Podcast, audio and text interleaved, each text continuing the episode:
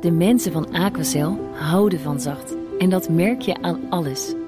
Dankzij hen hebben we nu echt zacht water en een kalkvrij huis. Voor hun klanten zijn ze zacht. Dat zijn ze trouwens ook voor elkaar. Voor ons zijn zij de kracht van zacht. Aquacel. 100% zacht water, 100% kalkvrij. De Nationale Autoshow wordt mede mogelijk gemaakt door Leaseplan. BNR Nieuwsradio. BNR, de Nationale Autoshow. Meindert en Wouter. Welkom. Deze zomer hoor je het beste van de Nationale Autoshow. En straks in deel 2 hebben we Maarten van Rossum. Jawel, de historicus schreef het boek Een auto voor iedereen. En straks praten we met hem over zijn fascinatie voor volksauto's. Maar eerst is het nu tijd voor de terugkeer van Alpine. Na 22 jaar keert het sportwagenmerk terug. En aan het roer staat de Nederlander Michael van der Zanden. Hij was dé grote marketingbaas van Renault, maar is nu dus naar Alpine. En Alpine is natuurlijk eigendom van dat Franse automerk. Alpine is begonnen als onafhankelijk merk, opgezet door Jean Redley om, om eigenlijk om, om sportief en vooral te racen. Dat heeft geweldig goed gewerkt. Van alles gewonnen. Rally Monte Carlo, het eerste World Rally Championship werd gewonnen door een Alpine. Ja. Le Mans gewonnen in 78, dus dat een geweldige historie. Er zijn ook 30.000 auto, auto's verkocht in die, in die jaren. Renault heeft daarin geïnvesteerd in 1973. Helaas is dat inderdaad, zoals je net zegt, eh, midden jaren 90 eh ingeslapen. de stekker eruit Want, eh, getrokken. ja, de auto's waren eigenlijk niet meer helemaal trouw aan waar Jean Redley mee was begonnen. En Mhm. eh, ja, die passie voor Alpine bestaat binnen het bedrijf Renault. En ook ver daarbuiten al jaren en jaren. En nu is het eindelijk zover. We hebben een nieuwe auto ontwikkeld die volgens ons heel trouw is aan het ADN van Alpine. Compacte auto, lichte auto, hele wendbare auto. En voor het eind van het jaar staat hij in de showroom en rijdt hij rond. Ja, wat is er nu anders dan midden jaren negentig? Want toen, had, toen liep het allemaal nog. En toen was er in ieder geval nog wel een beetje buzz rondom het merk. Wat is er nu veranderd dat, het, dat het, die terugkeer nu wel goed gaat komen? Nou, wij, wij hebben heel veel eh, hoop dat het, dat het goed gaat verlopen. Ten eerste omdat we heel goed gekeken hebben naar waar Alpine nou eigenlijk mee groot geworden is. En Ja. waarom mensen dat in de jaren 60, 60 en 70 zo spannend vonden. Mhm. Eigenlijk een paar verschillende dingen. Ten eerste door te racen, want eh, Alpine Ja. die racete en die won. En ten tweede door een heel bijzondere auto te bouwen die toch wel anders is dan andere auto's. Eh, de, de Alpines uit die jaren waren vrij klein. Ja. Eh, zelfs zo klein dat grote mensen zoals ik en zoals jij er, er niet in konden zitten. Heel licht, Hij heel tegen. Wouter voor de duidelijkheid. Ja, Ja, precies. Deze Ehm, smurf eh, zou er best nog wel in dat kunnen. eh, heb ik niet gezegd, maar eh, de- de hele, hele kleine, hele wendbare, hele snelle auto's... die eigenlijk veel sneller waren dan de techniek daarachter zou doen vermoeden. Want er zaten maar hele kleine Renault-motortjes in, maar Ja. dat ding ging razend hard. We hebben gezegd van oké, die principes gaan we eens naar kijken. En als je nou de technologie van vandaag toepast, hoe- wat zou dat dan worden? Nou, dat hebben we gedaan. Eerlijk gezegd, in de jaren negentig was dat niet helemaal zo. Want die Alpines die waren groot en zwaar geworden. Dat En levensgevaarlijk. Nou, Levensgevaarlijk voor de ongeoefende chauffeur. Nou, dat was een moeilijke auto Klein om in te beetje, rijden. Dat was eh, voor de dagen. Dat, waren, dat was voor de dagen van de traction control. Ja. Eh, tegenwoordig zijn de auto's een stuk veiliger. Eigenlijk was dat met alle sportauto's zo op, Ja. dat, eh, op dat moment. Ja. Eh, wat we nu hebben is een auto die wel aan die principes van Alpine uit de jaren 60, 70 helemaal voldoet. Maar met hele moderne technologie. Dus we hebben een sportauto, twee, zeur- twee zits, twee deurs, middenmotor. Helemaal van aluminium en Ja. daardoor heel licht. De hele auto weegt minder dan 1100 kilo. Dus onze En moeders kunnen er ook nogmaals- gewoon mee rijden. Eh, absoluut. Oh. Maar Absoluut. Hoe, hoe kom je als Nederlander eh, daar aan het hoofd te staan? Want dat is eigenlijk best wel raar. Hè? Want het, ja, Fransen, die zijn toch, dat zijn toch ook eh, nationalisten. Die willen toch liefst een Fransman die dan dat pareltje van Alpine weer eh, ja, gaat laten schijnen. Ja, maar er helemaal toch goed wel... spreekwoord dit. We hebben een nieuw spreekwoord uitgevonden net. Maar goed. Maakt niet uit. Er zitten toch wel behoorlijk wat Nederlanders eh, in de autowereld hier Ja, en daar. dat- en we dat hebben waar. onze eigen auto-industrie natuurlijk niet. Nee. Dus dat betekent dat Nou, mensen die van ja, auto's houden... Donkervoort, Ja, dat dat klopt. wel lightweight. dat, dat past- Heel lightweight. Ja, dat past, En past wel. doen mooie dingen. Maar daar Ja. kunnen niet alle Nederlanders die van auto's houden bij werken. Want dat is iets te klein. Nee, dat dus een waar. Aantal mensen zoals ikzelf en anderen. Ik ben niet de enige Nederlander bij Renault, eh, zoals je weet. Die, Nee, die zijn de auto's Akker, ingegaan. de- de ik heb altijd... eh. Ja, precies. Laurens is daar uh, al, al, bijna acht jaar uh, of negen jaar aan de slag. Ik ben sinds vier jaar bij Renault Groep. En ik heb eigenlijk altijd mijn liefde voor auto's gevolgd. Ik ben wel in Nederland begonnen bij Nissan jaren geleden. Maar ben 22 jaar geleden naar het buitenland vertrokken. En ja. ja. heb het geluk gehad een aantal hele interessante banen het, het aangeboden gekregen te hebben. Die ertoe geleid hebben dat ik nu hoofd van Alpine ben geworden. En daar ben ik heel erg tevreden mee. Maar waarom vroegen ze jou daarvoor? Ten eerste omdat Alpine een hele specifieke klant zoekt, uh, die niet dezelfde klant is als Renault uiteraard. Een klant die heel veel van auto's houdt, heel veel van auto's weet. Waar we niet alleen een mooie auto voor wilden bouwen, maar ook die auto in de markt wilden zetten, zodat het die klant aanspreekt. Ik heb het geluk gehad om uh, voor Renault Groep hoofdsales en marketing van Aston Martin geweest te zijn in Engeland. Ja. En ja, ik denk dat mijn bazen gedacht hebben van, dat is misschien wel relevant, laat die jongen dat ja. maar doen. Ja. Is dat de belangrijkste uitdaging? Zeg maar het weer nieuw, de, ja, dat verhaal eigenlijk weer opnieuw gaan vertellen? Nou, nee, dat is de ene langste uitdaging, eh, belangrijkste uitdaging. Ja. De belangrijkste uitdaging is om een razend goede auto te bouwen. Ja. Nou, dat is eh, mensen dat hebben al gezien. Nou, dat moeten we zien. De, de reactie we hebben de auto in, op de salon van Genève laten zien. En ja, mensen zien, die mensen vinden hem mooi. Mensen zijn erin gaan zitten en zeggen van dat ziet er goed uit. Natuurlijk, uh, als, uh, is, de, is de werkelijke uh, bewijs daarvoor is als mensen in gaan rijden. Dat gebeurt voor het eind van het jaar. En ja, ja we zullen zien wat de mensen ervan denken. Maar, maar tot nu toe ja. maar lijkt jij, het dat we natuurlijk al wel een paar keer gereden. Ja, ja. Ik heb regelmatig ja. gereden en ik, uh, ik, heb, ik heb er vertrouwen in. Er komt een grote glimlach. Nee, ja, okay. Okay. Maar had je daarvoor ook al iets met Alpine? Nou, ik heb altijd het nadeel gehad dat ik, dat ik er niet in pas. Want ik ben te groot. Ik ben twee meter lang en 100 kilo. En dat dus je vond het niet. maar helemaal niks? Ik vond het prachtige auto's. uh, iedereen heeft wel die, die, die gedachte op zijn netvlies staan van die auto in 1973. Die in de sneeuw eh, zijdelings uh, Ja, ja, door het mooi- zijraampje mooi plaatje de, inderdaad. pas, eh, de Maar- Col de Turini ja. oprijdt. En ja, dat vond ik ook mooi toen ik, eh, toen ik eh, in de jaren 70 dit soort dingen bekeek. Maar het bleef dus Maar- bij een eh, poster Maar boven ik- het bed. Het bleef bij de poster boven het bed, maar nu pas ik erin. En daar ben ik heel blij mee. Oké, heb je daar nog een beetje invloed op gehad? Gelukkig wel. Want die Fransen want- zelf zijn niet zo groot. Die zijn Nee, meer een beetje mijn formaat. Dat klopt, maar ik had het geluk dat ik in mijn vorige baan als hoofdmarketing van de groep verantwoordelijk was voor de marketing van alle merken. En daarom heel vroeg samen met Laurens van den Nakker trouwens daarmee bezig was. En wij stonden allebei een jaar of drie, vier geleden naast de eerste ontwerpen te kijken en zeggen van nou, daar moet toch iets groter van binnen.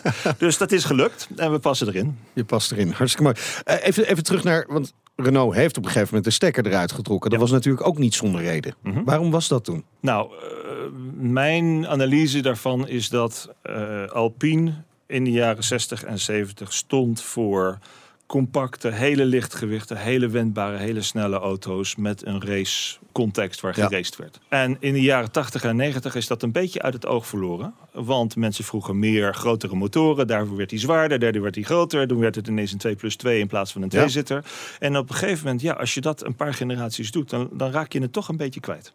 En eh, ja, dus inderdaad verkocht dat wat minder. En heeft Renault toen gewoon een, de, ge- besloten dat het geen prioriteit was. En toen inderdaad de stekker eruit maar getrokken. altijd is dat in het achterhoofd gebleven. Alpine. Ja, absoluut. Maar ik, ik, ik kan me voorstellen dat er heel wat discussies over zijn geweest... voordat er besloten is om het merk terug te brengen. Absoluut. Maar die beslissing is een jaar of vier geleden inderdaad genomen. We zijn nu inmiddels die, bijna die vier jaar bezig om de auto te ontwikkelen, want zo lang duurt dat.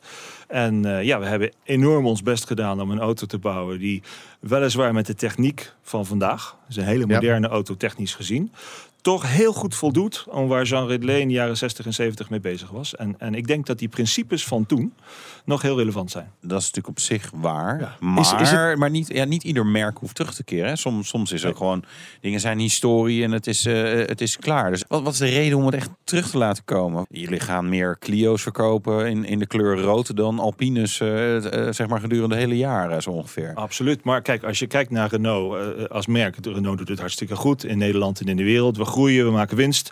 Eh, we hebben sinds tien jaar nu Dacia er, daaronder. Ja. Wat ook heel goed werkt. We verkopen nu 600.000 Dacia's per jaar van Ja. een staande start. Dat is ook niet verkeerd. Maar als je naar boven kijkt qua prijsniveau... zit daar een klant die van auto's houdt, die geld te besteden heeft. En dat Ja. is, is, zijn winstgevende segmenten. Dus- dit, dit wordt ook een winstmaker, Alpine. Dat is natuurlijk de bedoeling. Het zal niet vandaag of morgen zijn. Maar eh, Nee. natuurlijk is er altijd een winstoogmerk. Hoe, Maar nou, hoeveel kijk, jaar moet dat zijn dan? dat, dat zal, eh, dat vast zal moeten op- blijken. je hebt een opdracht gekregen. Ik heb vaste opdrachten, maar kan ik niet over hebben. Althans niet hier. Maar, eh, maar kijk, eh, we, zagen die klant die van auto's houdt. Er zijn ook veel eh, mensen die passioneer, gepassioneerd van auto's houden binnen Renault. En we zeggen van oké, het is niet alleen vanwege de passie. Het is ook vanwege de mogelijkheid die dat geeft om een nieuwe klant aan te trekken. De rijimpressie. Ja, de nieuwe kunnen we helaas nog niet rijden. En daarom ging Wouter eerder deze maand op pad met een oudje, een klassieker, een A110 uit 1975. Om een beetje waardering te krijgen voor het merk Alpine is het misschien het beste idee om te doen wat ik nu doe. Namelijk gaan rijden ja, in eigenlijk het icoon van Alpine en dat is de A110. En dan denk je, ja, de nieuwe heet toch ook A110? Ja, dat klopt op zich.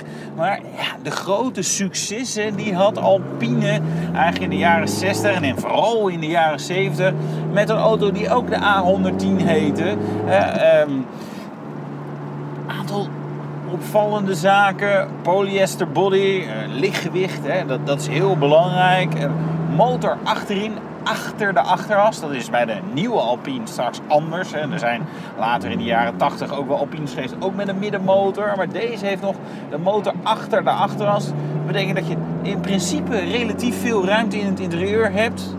Behalve voor je hoofd. Daar, die kan ik dan eigenlijk weer nergens kwijt. Op zich bijzonder, want de eigenaar van deze auto die wil dankbaar zijn dat we mogen lenen. Is, is ook best lang. En die rijdt daar toch ook gewoon vrolijk in rond. Maar ik word er een beetje claustrofobisch van. van waar ik denk, waar laat ik mijn nek? Mijn hoofd past wel als ik mijn nek er maar tussenuit schroef. Maar lichtgewicht bedoelt dus ook voor, ja, als je het hebt over Alpine, dan denk je misschien ook wel aan de Alpen. Inderdaad, bergwegen, daar lekker kunnen sturen. Dan heb je lichtgewicht, goed onderstel, niet knijten hard, wat de nieuwe Alpine ook niet moet worden. Want ja, op normale wegen heb je ook wel eens hobbels, eh, andere gekke dingen, eh, bochten die niet helemaal lopen zoals ze moeten lopen. Dus, en dat moet je ook allemaal aankunnen. En dat is waar Alpine denk ik ook wel een beetje voor staat. Eh, dus hebben ook veel rally-successen gehad in de jaren 70. Gewoon nummers 1, 2 en 3 tijdens de rally van Monte Carlo. Twee jaar achter elkaar. En dat was met deze Alpine A110, niet per se met deze, maar met een rally-versie. Dit is slechts een 1300. Dat was al een relatief lichte motorisering. Standaard is van 85 pk, maar de eigenaar zegt dat deze heeft een andere knock-out. Er is ook wel iets aan de carburateurs gebeurd. Dus hij heeft wat meer pk, iets van 100 of dergelijke. Maar het gewicht valt in principe ook mee. Zo'n auto is nou, 700 kilo, 750 kilo. Uh, hier zit bijvoorbeeld nog wel weer een rolkooi in, dus hij is misschien ietsje zwaarder. Even, even draaien hier. Wow. Het is wel werken in een auto als dit hoor. Dat absoluut. Maar ik snap het karakter van Alpine wel. Ah, dit is aan de ene kant helemaal op een top sportauto, maar misschien niet zoals nou ja, sommige andere merken dat doen. Dus knalhard, uh, 500 pk, uh, maar ook gewoon 2000 kilo. Dat, dat is uiteindelijk toch niet helemaal waar Alpine voor staat. Of helemaal niet eigenlijk. En dit is een Alpine moet je meer zien. als ja, een beetje concurrent misschien van Lotus. Dus uh, snel zijn kan je er ook door niet al te zwaar te worden.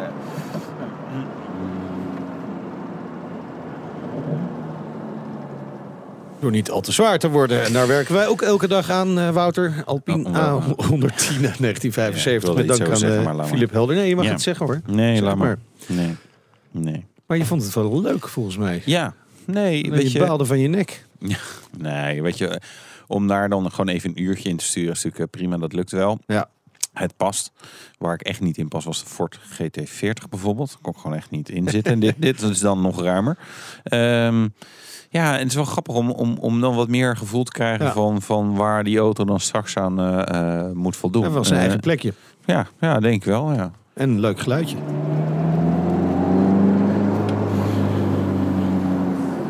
Ja, Niet echt heel spannend hè? Nee, ja, nee, weet je, maar dat, dat, dat is natuurlijk een beetje sowieso van het jaren 60, jaren 70. Ja, weet je, dat, dat was toen ook wel anders. Maar het, het is echt wel een vermakelijke auto. Dus ik ben heel benieuwd naar een nieuwe. Uiteraard. Hebben we nog een eindoordeel? Ja, hè? Vast wel. ja. Dat dit nog gemaakt wordt. Nee, dat dit weer gemaakt ja, wordt. weer is gemaakt wordt ja. is het eigenlijk. nou ja, goed. Zometeen nieuwe Alpines rollen van de band in een oude vertrouwde omgeving. En we doen natuurlijk straks ook de petrolhead check. BNR Nieuwsradio. BNR, de Nationale Autoshow. Het is tijd voor De Petrolhead Check. En die doen we met de Alpine-baas Michael van der Zanden. Ben je klaar voor het vragenvuur? Natuurlijk. Je bent baas van een sportwagenmerk, dus ja, die snelheidsboetes die stromen binnen. Of niet? Eh, nee, wat, wat is de hoogste boete die je ooit hebt ge- gekregen? 90 euro. Nee. Echt waar. Zo weinig? Echt waar. Ja? Ja. Je weet gewoon heel goed waar ze allemaal staan. Eh, nee, dat niet. Maar misschien heb ik geluk gehad. Of misschien ben ik wel heel voorzichtig. ik weet het niet. En je werkte voorheen onder meer bij Aston Martin, Tesla ook, Bentley. Was de dikste auto die je hebt gehad? De dikste auto die Mag ik ook had. een Ik, ik had zijn. het geluk om eh, jarenlang met een eh, Aston Martin Rapide heen en weer 100 kilometer heen, 100 kilometer terug naar mijn werk te kunnen rijden. En dat was wel fijn. Dat was even moeilijk toen ik die terug moest geven. Maar het was een leuke ervaring. Ja, nou, nou, nou, de, de volgende vraag gaat daar een beetje op door. Een droomauto, maar een beetje reële. Eentje die wel bereikbaar is. En het mag natuurlijk niet van eh, Renault, eh, Nissan, Infinity. Nou, meer Of niet. Alpine. Da- nee, geen Alpine en geen Dacia zijn. Dus eh, ja, een, een, van een ander merk. Wat zou je nog eens willen hebben? Of je denkt, nou, dat Hebben zou we het wel over, kunnen. ja, ik ben, ik ben, eh, kijk, ik heb natuurlijk een nieuwe Alpine besteld, maar die geldt niet. Daar hebben we het al Nee. over gehad. Ik ben toch wel een fan van klassieke auto's. Ja. Dus ik, eh, ik zou dolgraag nog een keer een Lamborghini Espada hebben. Dat Ja. eh, vind ik een geweldige auto. Vind ik zo mooi. Ja. Alleen gaat de prijs harder omhoog dan ik bij kan verdienen, helaas. Ik heb eh, drie jaar geleden mijn droomauto eerlijk gezegd al gekocht. Ik heb een Alfa SZ in de garage staan. Ah, waar ik kijk, eh, enorm verliefd op ben. En daar rijd ik Ja. met veel plezier in. Dus eh, eigenlijk straks met de Alpine erbij Ja. ben ik helemaal tevreden. Ja, nou, Nou, ik kan me voorstellen. Er zijn aardig wat punten gescoord daar Ja, op het einde. mij uitmuntend, hè, maar weer.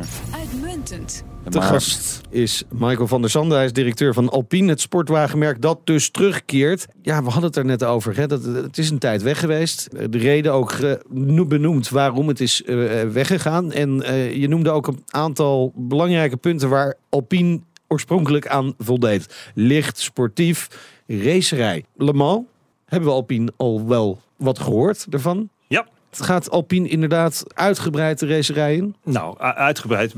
Kijk, Alpine is op vandaag natuurlijk een klein merk. We gaan, eh, we gaan de racerij binnen, eh, max- maximaal binnen onze middelen, zeg maar. Toen we het project begonnen zijn in 2013, hebben we besloten ook toen al te gaan racen. Je weet dat Alpine zowel in circuit als een rally als een lange afstandsrace eh, historie heeft. In 2013 hadden we natuurlijk nog geen auto, dus we zijn toen de, de prototypes ingegaan. Zijn met, met de LMP2 begonnen in Le Mans en in de European Le Mans Series. Dat is het Europese kampioenschap van, eh, van de prototypes. Is goed gegaan. We hebben in 2013 en in 2014 gewonnen.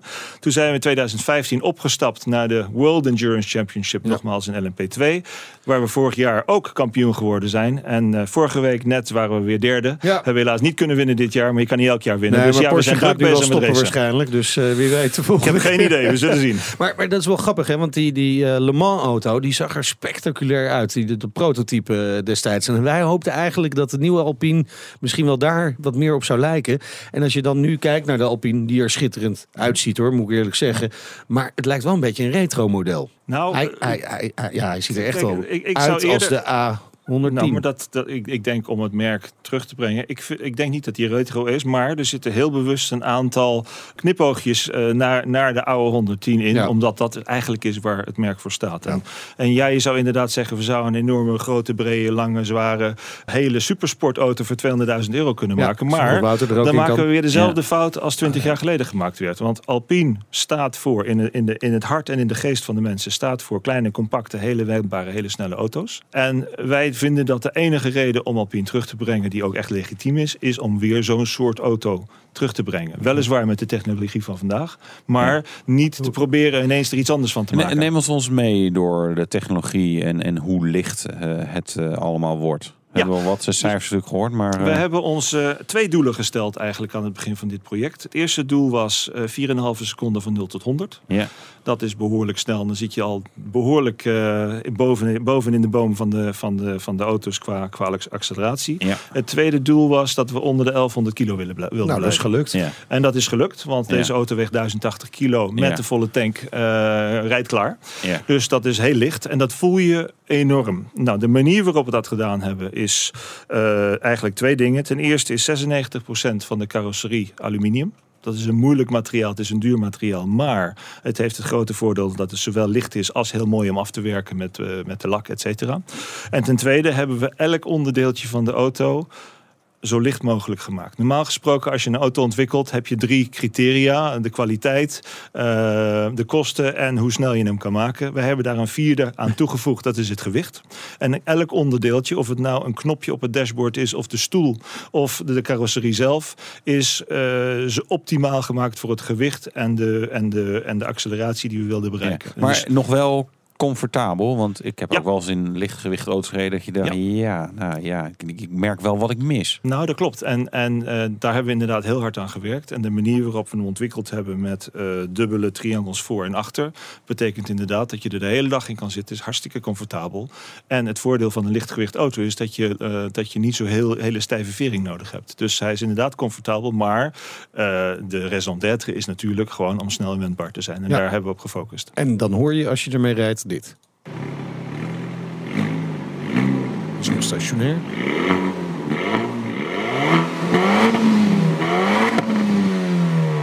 Nou, het is allemaal stationair, maar dit is speciaal vanuit Parijs hier naartoe gestuurd. Uh, speciaal door onze redacteur uh, opgevraagd. Ja, en daar werk je dan vier jaar keihard uh, aan. En dan is het zover op Salon van Genève, Autosalon van Genève, wordt die gepresenteerd. So now, on behalf of the Alpine team and on behalf of all of us at Group Renault, I present to you the new Alpine A110. Ja, de, de, presentatie van de Alpine E110 op de Autosalon van Genève begin uh, maart van dit jaar.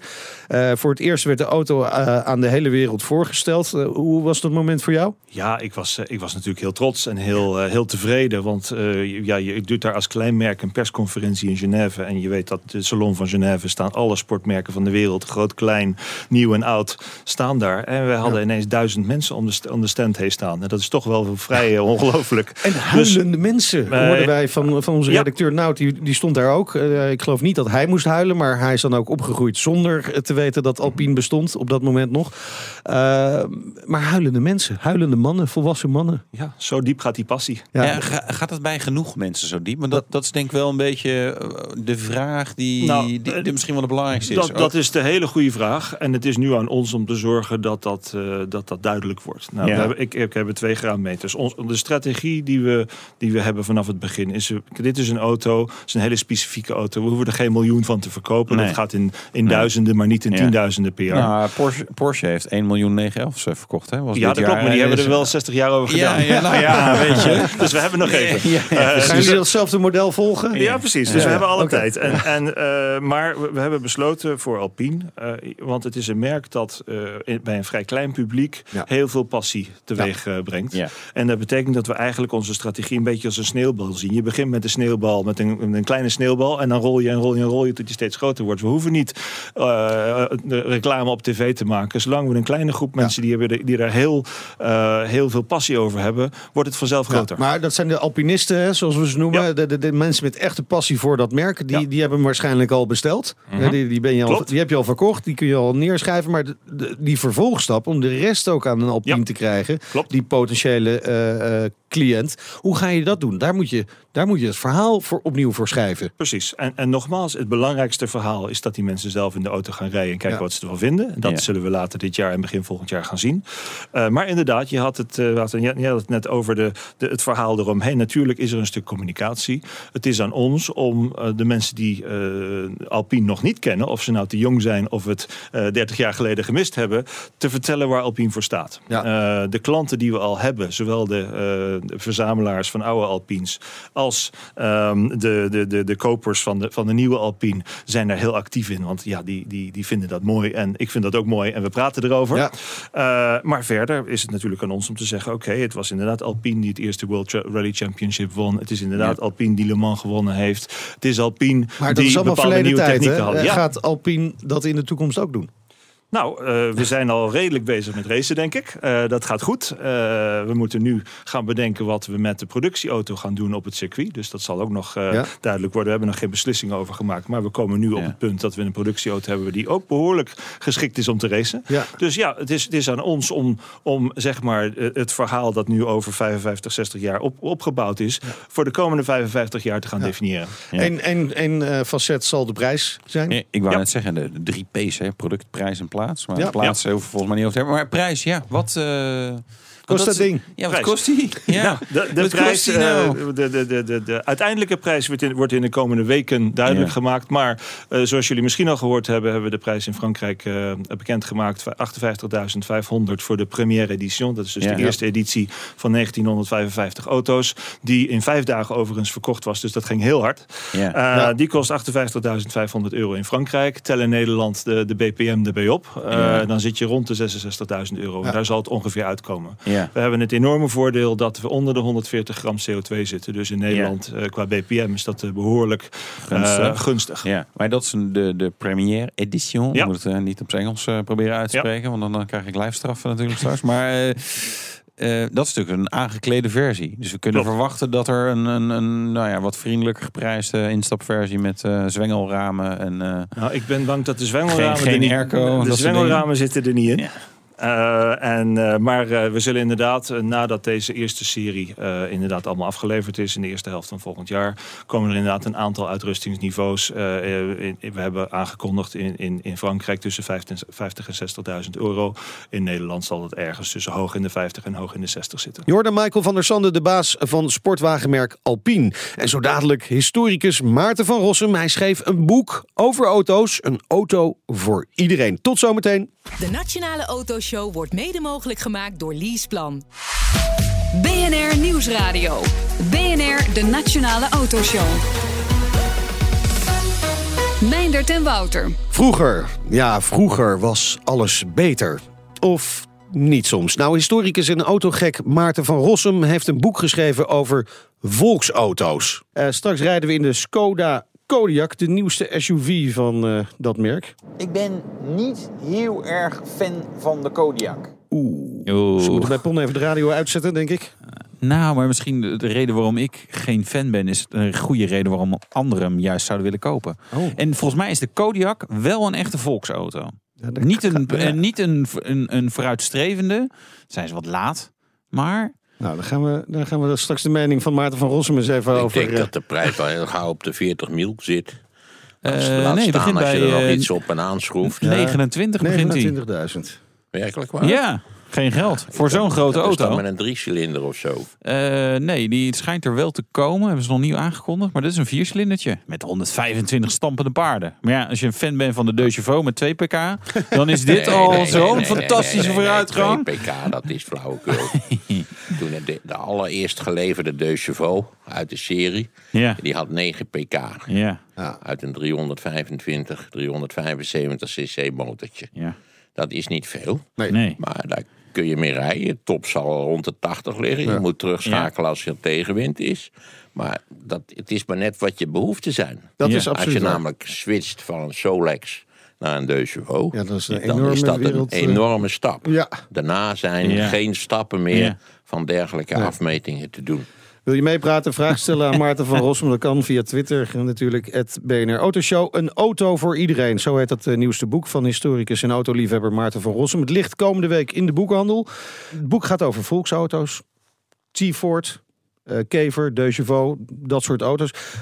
Wat is er zo mooi aan die volksauto's? Dat ze zeer specifiek ontworpen zijn om A, van goede kwaliteit te zijn, Ja. zodat ze een tijdje mee kunnen in principe. Ja. Eh, dat ze niet te duur zijn en dus bereikbaar voor een zo groot mogelijke groep uit de bevolking. En daarvoor moet je eigenlijk de hele geschiedenis van de verspreiding van de auto, die moet je opknippen in verschillende fases. Ik zou maar zeggen, de eerste fase, we beweren dan dat de auto is uitgevonden zo laat de jaren Ja. 80, 19e eeuw. Dat is een beetje een arbitrair moment, maar goed, laten we het vanaf dat moment, laten het vanaf dat moment. Ja. Die eerste auto's die waren schuwduur. Dat Ja. was eigenlijk bestemd voor een, het was speelgoed voor een, voor een rijke elite.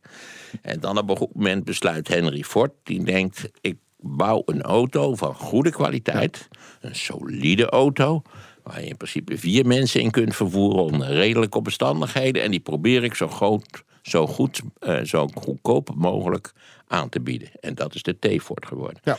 En het belangrijkste van de T-Ford is, het is op zichzelf een heel bekwaam ontwerp, als je denkt dat het uit 1908 dateert. Maar eigenlijk is het belangrijkste aspect de serieproductie. Ja. Aanvankelijk, band. aanvankelijk kostte zo'n T-Ford toch ook tegen de 1000 dollar. Dat was toen een five force bedrag. En dan gaan ze hem bouwen aan de lopende band en nemen die kosten eigenlijk enorm snel af. Ten slotte kon je in de jaren 20 voor ruim 200 dollar een T-Ford kopen. En dat, daar zit dan ook nog een portie inflatie in. Dus daar kun je aan zien. Eigenlijk spotgoedkoop. hoe- Ja, spotgoedkoop. Dat kun je rustig stellen. Maar het is wel een fase. Ja. Want je ziet ook dat als de volksauto is, hè, sommige volksauto's zijn natuurlijk een enorm succes geworden. Maar als er bijvoorbeeld een grote tweedehandsmarkt heeft ontwikkeld, waardoor mensen tweedehands een auto kunnen kopen voor vergelijkbare bedragen, dan zie je dat de charme of de attractiviteit van de volksauto in principe afneemt. Dus het is gekoppeld aan de tweede fase van de automobilisering van de samenleving. Ja. Daarnaast begreep ik van onze redacteur dat dit boek ook een tikkeltje een aanklacht is tegen eh, de huidige autojournalistiek. Nou, eh, in principe tegen de hele autojournalistiek Ah, tot op zekere hoogte. Omdat die heeft een, ik begrijp wel overigens hoe het komt... maar die heeft een wonderbaarlijke voorkeur voor wat zij dan meestal supersportwagens noemen. Daarmee gaan ze dan enorm knalhard rijden op, op plekken waar zo weinig mogelijk andere auto's zijn. Ja. En dat vinden ze dan allemaal geweldig. Ja. En, Wouter? en Ja. Nou ja, daar worden ja. lange, lange stukken over geschreven. Wat een buitengewone auto's het wel niet zijn. En ik vind dat onzin. Omdat voor vier ton kan iedereen een supersportwagen bouwen. Nou, Als wij. Leg het eens uit aan Victor Muller, want dat lukt nog niet helemaal. Ja, maar In- misschien was dat ook niet de ideale figuur om dat te doen. Want ik, ik heb. Ja, en maar zo altijd- is er een best lange Ik heb lijst altijd gedacht dat het daar meer ging om fiscale constructies dan om de verschrikkelijke wens om een supersportwagen te. Bovendien zijn supersportwagens, zeker de moderne, zijn levensgevaarlijk. Omdat Ja. ze veel te veel pk's hebben. Ja. je kun- je kunt maar dat door- maakt het ook wel weer leuk. Nee, dat is levensgevaarlijk. Ja, maar dat Jullie is- hebben net een heel gesprek staan Ja, voeren. dat klopt. Wat Ja, ik buiten ik- kon afluisteren over verkeersongelukken. Ja. En, en geloof maar van mij dat eh, ook een BMW uit de 5-serie met 465 pk... dat is pure levensgevaarlijke flauwekul. Dat moet je ook niet willen hebben. Hè. Dan moet je, kijk, die auto's waar je mee rijdt dagelijks... Als jij zo'n ding wil hebben voor de openbare weg... dan ben je al per, per definitie een gevaar op de openbare weg. Maar, maar toch even Dan moet je de... Nürburgring af Ja. gaan huren. En dan Ja. kun je dan lekker eh, Ja. snelle rondjes draaien. Eh, En dan hoop ik maar dat het goed afloopt en dat je een beetje training hebt genoten. Er is op YouTube trouwens voor liefhebbers Ja. veel interessant materiaal voorhanden Ja. van mensen die niet de rijvaardigheid hebben om En toch zo'n zogenaamde. Ja. supersportwagen te maar als we bereiden. dan toch zo'n 5-serie is wel een interessante auto. Hè? Want eh, even, je kunt hem ook met wat minder pk krijgen natuurlijk. En er zitten wel vaak eh, moderne technologie in die later terugkomt in juist de beter betaalbare auto's. Ja, daar geloof ik dat is eh, gewoon pure kletspraat naar mijn idee. Nou ja, feitelijk zo dat, De dat vraag die is of dat die technologie technologie is die je nodig hebt. Het is veel en veel moeilijker Nou ja. om voor, laten we zeggen, 20.000 euro een comfortabele, Ja. solide auto te bouwen. waarmee een gezin van vier personen goed vervoerd kan worden. Ja. En waarmee je in principe, weet ik het, misschien 15 of 20 jaar eh, uit de voeten kunt. Het klassieke voorbeeld, waarschijnlijk de simpelste golf van dit moment, die zal zo'n 21.000 euro doen ongeveer. Koop die ook vooral, zou ik tegen de luisteraars willen zeggen. Hoe duurder die dingen worden, want je kunt ook een golf kopen voor, weet ik het, voor 50.000 euro Ja, of yep, zo. dat lukt wel, Dan ja. heeft hij 300 pk uit hetzelfde motorblokje, wat op zichzelf ook alweer te denken geeft natuurlijk. Eh, doe dat niet, want u wordt daarmee gewoon opgelicht. Alle, Ja. alle accessoires die u bij moet kopen zijn oplichterij. Ja. U bent Ja, altijd het ja. voordeligste uit voor met de simpelste versie. Ja. En ik heb een grote bewondering, al heeft het natuurlijk ook iets te maken met loonniveaus voor de Dacia, die in feite een vrijwel even grote auto als de Golf aanbiedt. Voor wat zal het zijn? 11, 12.000 euro.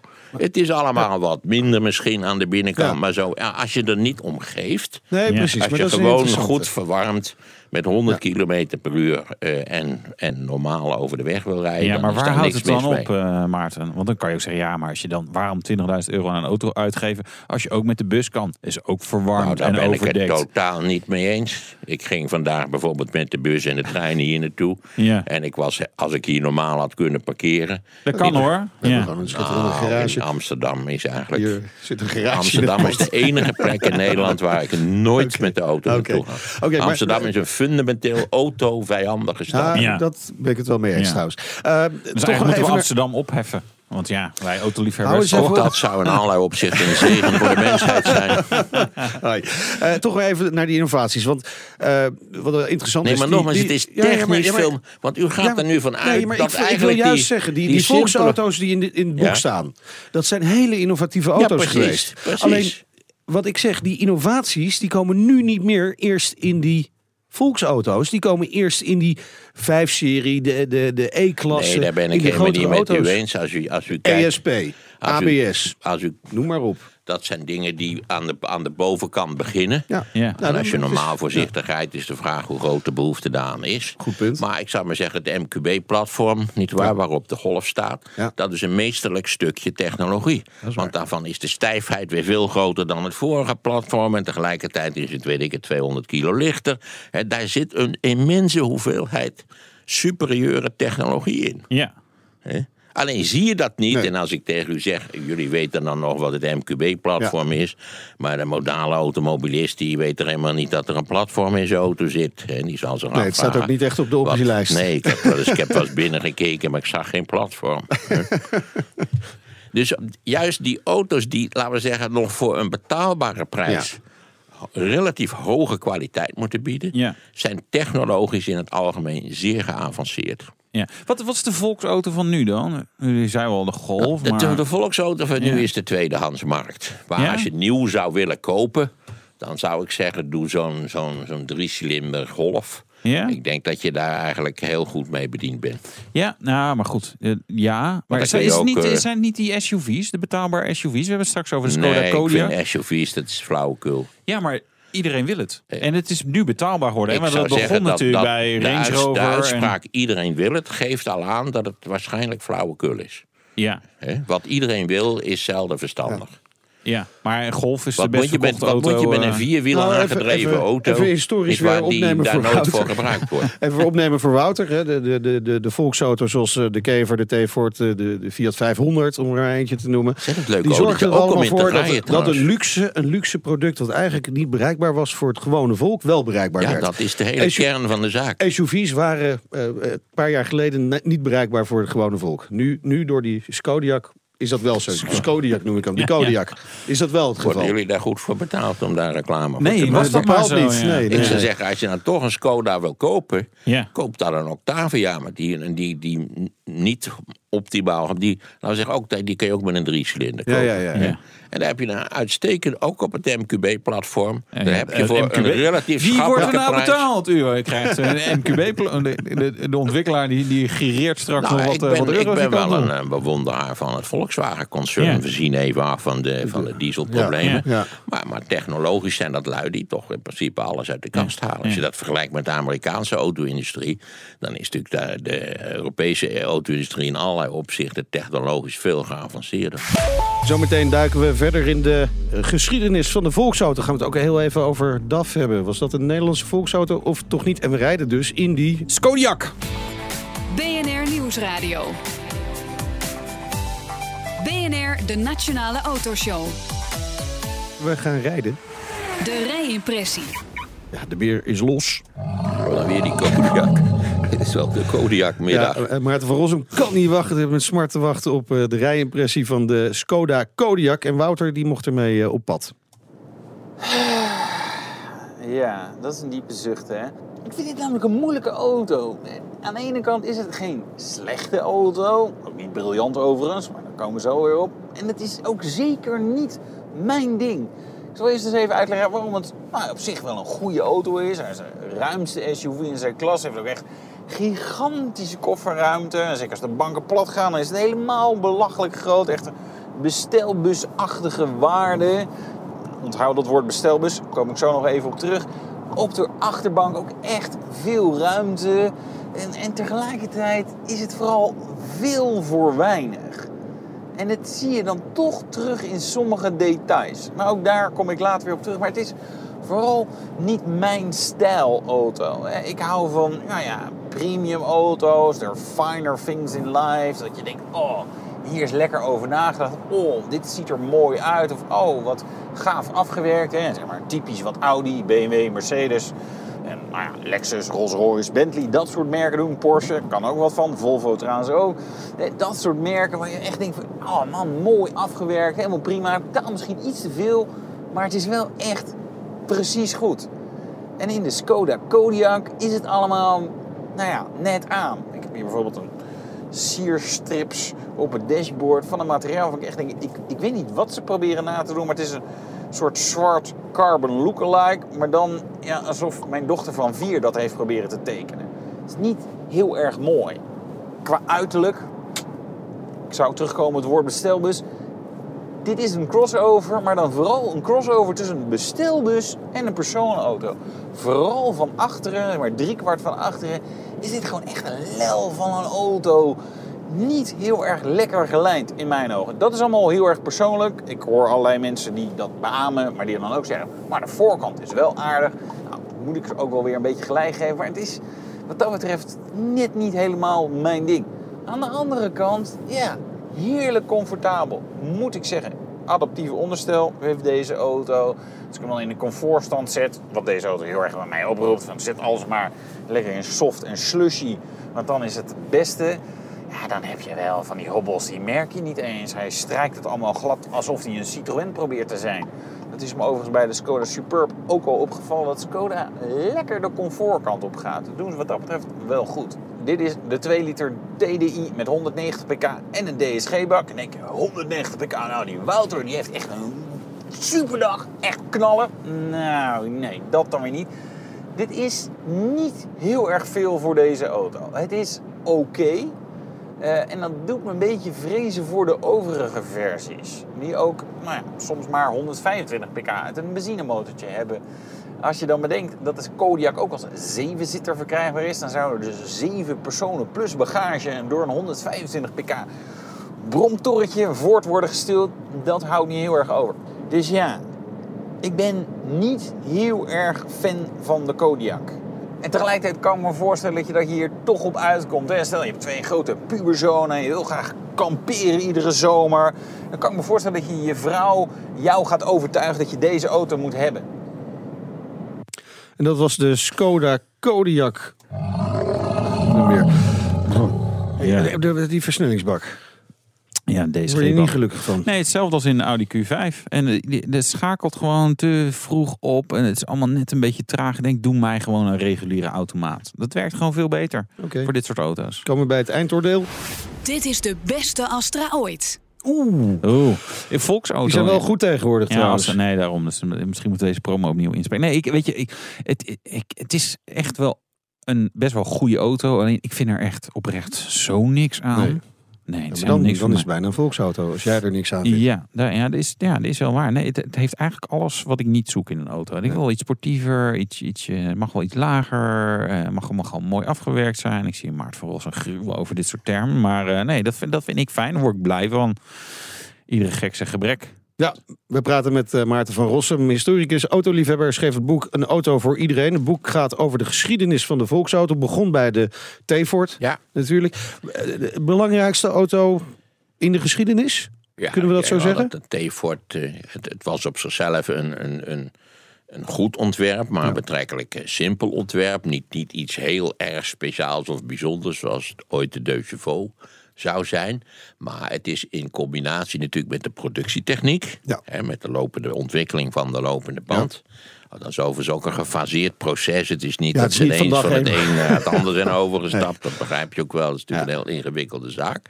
Maar als je dat combineert, dan is de T-Ford zonder meer de belangrijkste auto uit de geschiedenis van de auto. Ja.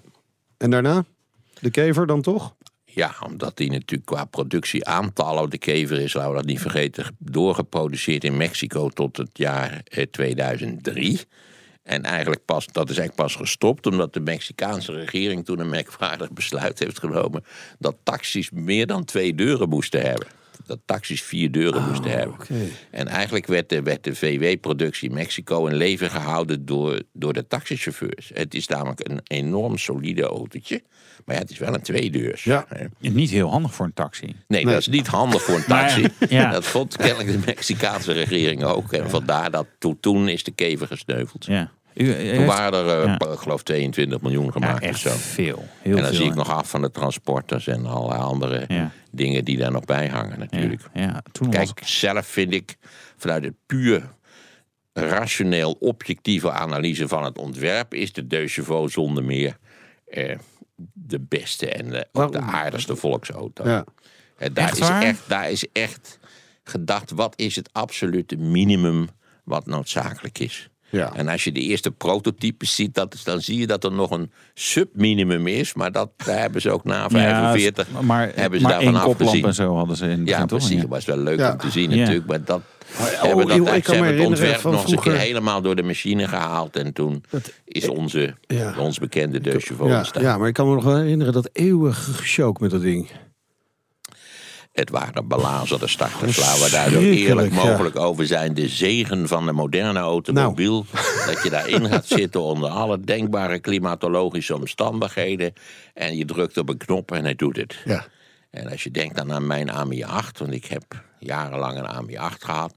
Daar was de vraag of die het de zou Super doen. Eend, hè? Ja, de Super ja. Eend. Het was altijd zeer Ook wel raar, toch? Gelukkig heb Je ik, bent- gelukkig je- heb ik een jaar in hele- Duitsland gewoond. En Heel had je- betoog voor, voor je moet de, de basisversie kopen van een Golf en dan Hm. koop je zelf een Super Eend. Dat is toch ook raar? Eh, Nou, kijk, toen was ook. Of het is dit uw- uw had, het eendrijden Ja. en met name Franse auto's had nog een extra culturele dimensie. Ja, Dat je, dat je ging niet in een Duitse garage. auto rijden. Oh. Als, als ik met een Duitse auto bij mijn vader voor was gekomen, dan had hij waarschijnlijk door de brievenbus, brievenbus gezegd: donder maar weer op. Ja. Dat je een normale en fatsoenlijke auto hebt. Ja. Dat speelde wel een rol, toch? Hoe gek dat ook mogen klinken, achteraf gezien. Maar- Althans, bij ons speelde dat wel een rol. Maar dan, dan, dan was een DAF nog een logische keuze geweest. Gewoon eigen product kopen, Nederlands. Ik, ik had het eh, boek ook laten lezen aan een deskundige om te zien of het technisch het allemaal een beetje door, eh, door, door de beugel kon. En die zei: Ik vind wel dat je erg weinig belangstelling hebt getoond voor de DAF. En Ja. Dat is waar naar mijn idee. Maar natuurlijk, als je denkt dat de DAF, geloof ik, over 12 jaar geproduceerd is. en, en tenslotte iets van 800.000 exemplaren heeft, heeft geproduceerd. Ja. dan is dat natuurlijk relatief weinig. Dat, is, dat staat in de verste verte niet in de categorie die ik Volkswagen heb genoemd. Van de Deux Chevaux zijn 8 miljoen exemplaren gebouwd. Van de, van, de, van de Kever 22 miljoen. En van de Mini 5 miljoen. En zo zijn er nog wat meer voorbeelden. Zelfs van de Trabant zijn er ook 3 miljoen Ja. exemplaren Dus de gebouwd. aantallen, dat is wel belangrijk. Niet alleen de techniek. Want het ja, pookje, de Variomatic, was natuurlijk wel iets... wijzen dat er een, een, een bruikbare auto wordt Ja. aangeboden voor een schappelijke prijs. Dat, want daar gaat het om. Ja. En want wie is, de, de, wie is de bedenker van de Volkswagen Kever? In feite Adolf Hitler.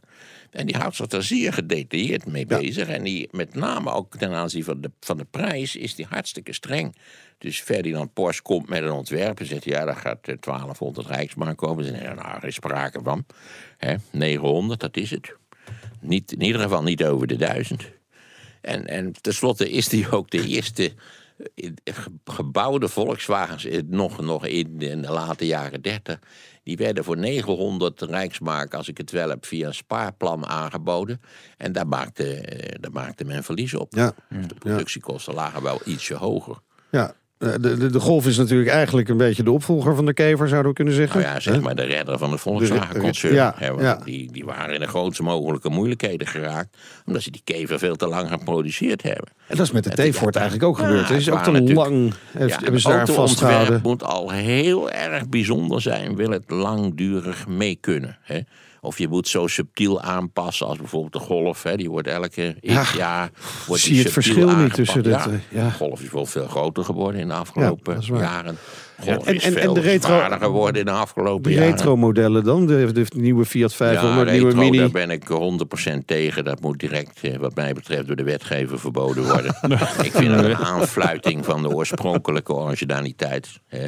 In feite is dat natuurlijk allemaal bedacht door de verkoopafdeling. Kun je niet Ja. ons de, zo'n de, lollig- de- de- de- modelletje de, de, maken. de nieuwe Mini is natuurlijk geen volksauto meer. Die is Ja, gewoon de ook te nieuwe duur. Mini is lachwekkend. Want er zijn Ja. erbij die zijn groter dan een vrachtauto. en er staat dan op een bordje Mini. Maar- dat maar, is, ja. Ik zwijg nog het van is een merk geworden, Ik maar- zwijg nog van dat rare achterlijke damesinterieur wat ze erop nahouden. Ja, maar de, de, de Fiat De Mini 500, MNX. de nieuwe 500. Nou die ja, komt kijk, nog die steeds is- wel in de buurt van een volksauto, Ja, toch? maar weet je dat die twee keer zo zwaar is als de Cinquecento? Ja, maar ook twee keer zo veilig. Of misschien wel tien keer de zo veilig. Cinquecento was niet veilig, want Nee. er was geen enkele auto veilig tot, nou ja, tot begin jaren 60 in feite. Hè? De eerste, eerste ingebouwde eh, hoe heet het, veiligheidsriemen, dat is Saab, dat is denk ik 58, 59. En die werden vaak door de kopers niet gebruikt. De mensen vonden het onzin. Hè? Ja. Terwijl er zijn, volgens sommige deskundigen is de veiligheidsriem is de, het goedkoopste manier waarmee miljoenen levens zijn gered die ooit bedacht zijn. Ja, briljant dus. Ja, maar je hebt nog mensen die in de stad zeggen: Nou, Ja, de stad is het helemaal niet nodig, je Nee. hoeft het helemaal niet te doen. Hè? Dat was Maarten van Rossum, de historicus en autofreak. Hij schreef het boek Een auto voor iedereen. Volgende week zijn wij er natuurlijk gewoon weer. En dan hoor je ons gesprek met Mercedes-Benz-dealer Kees Hendricks over 50 jaar AMG. Volg ons deze hele zomer via Twitter, het BNR Autoshow. De Nationale Autoshow wordt mede mogelijk gemaakt door Leaseplan. De mensen van Aquacel houden van zacht. En dat merk je aan alles. Dankzij hen hebben we nu echt zacht water en een kalkvrij huis. Voor hun klanten zijn ze zacht. Dat zijn ze trouwens ook voor elkaar. Voor ons zijn zij de kracht van zacht. Aquacel. 100% zacht water, 100% kalkvrij.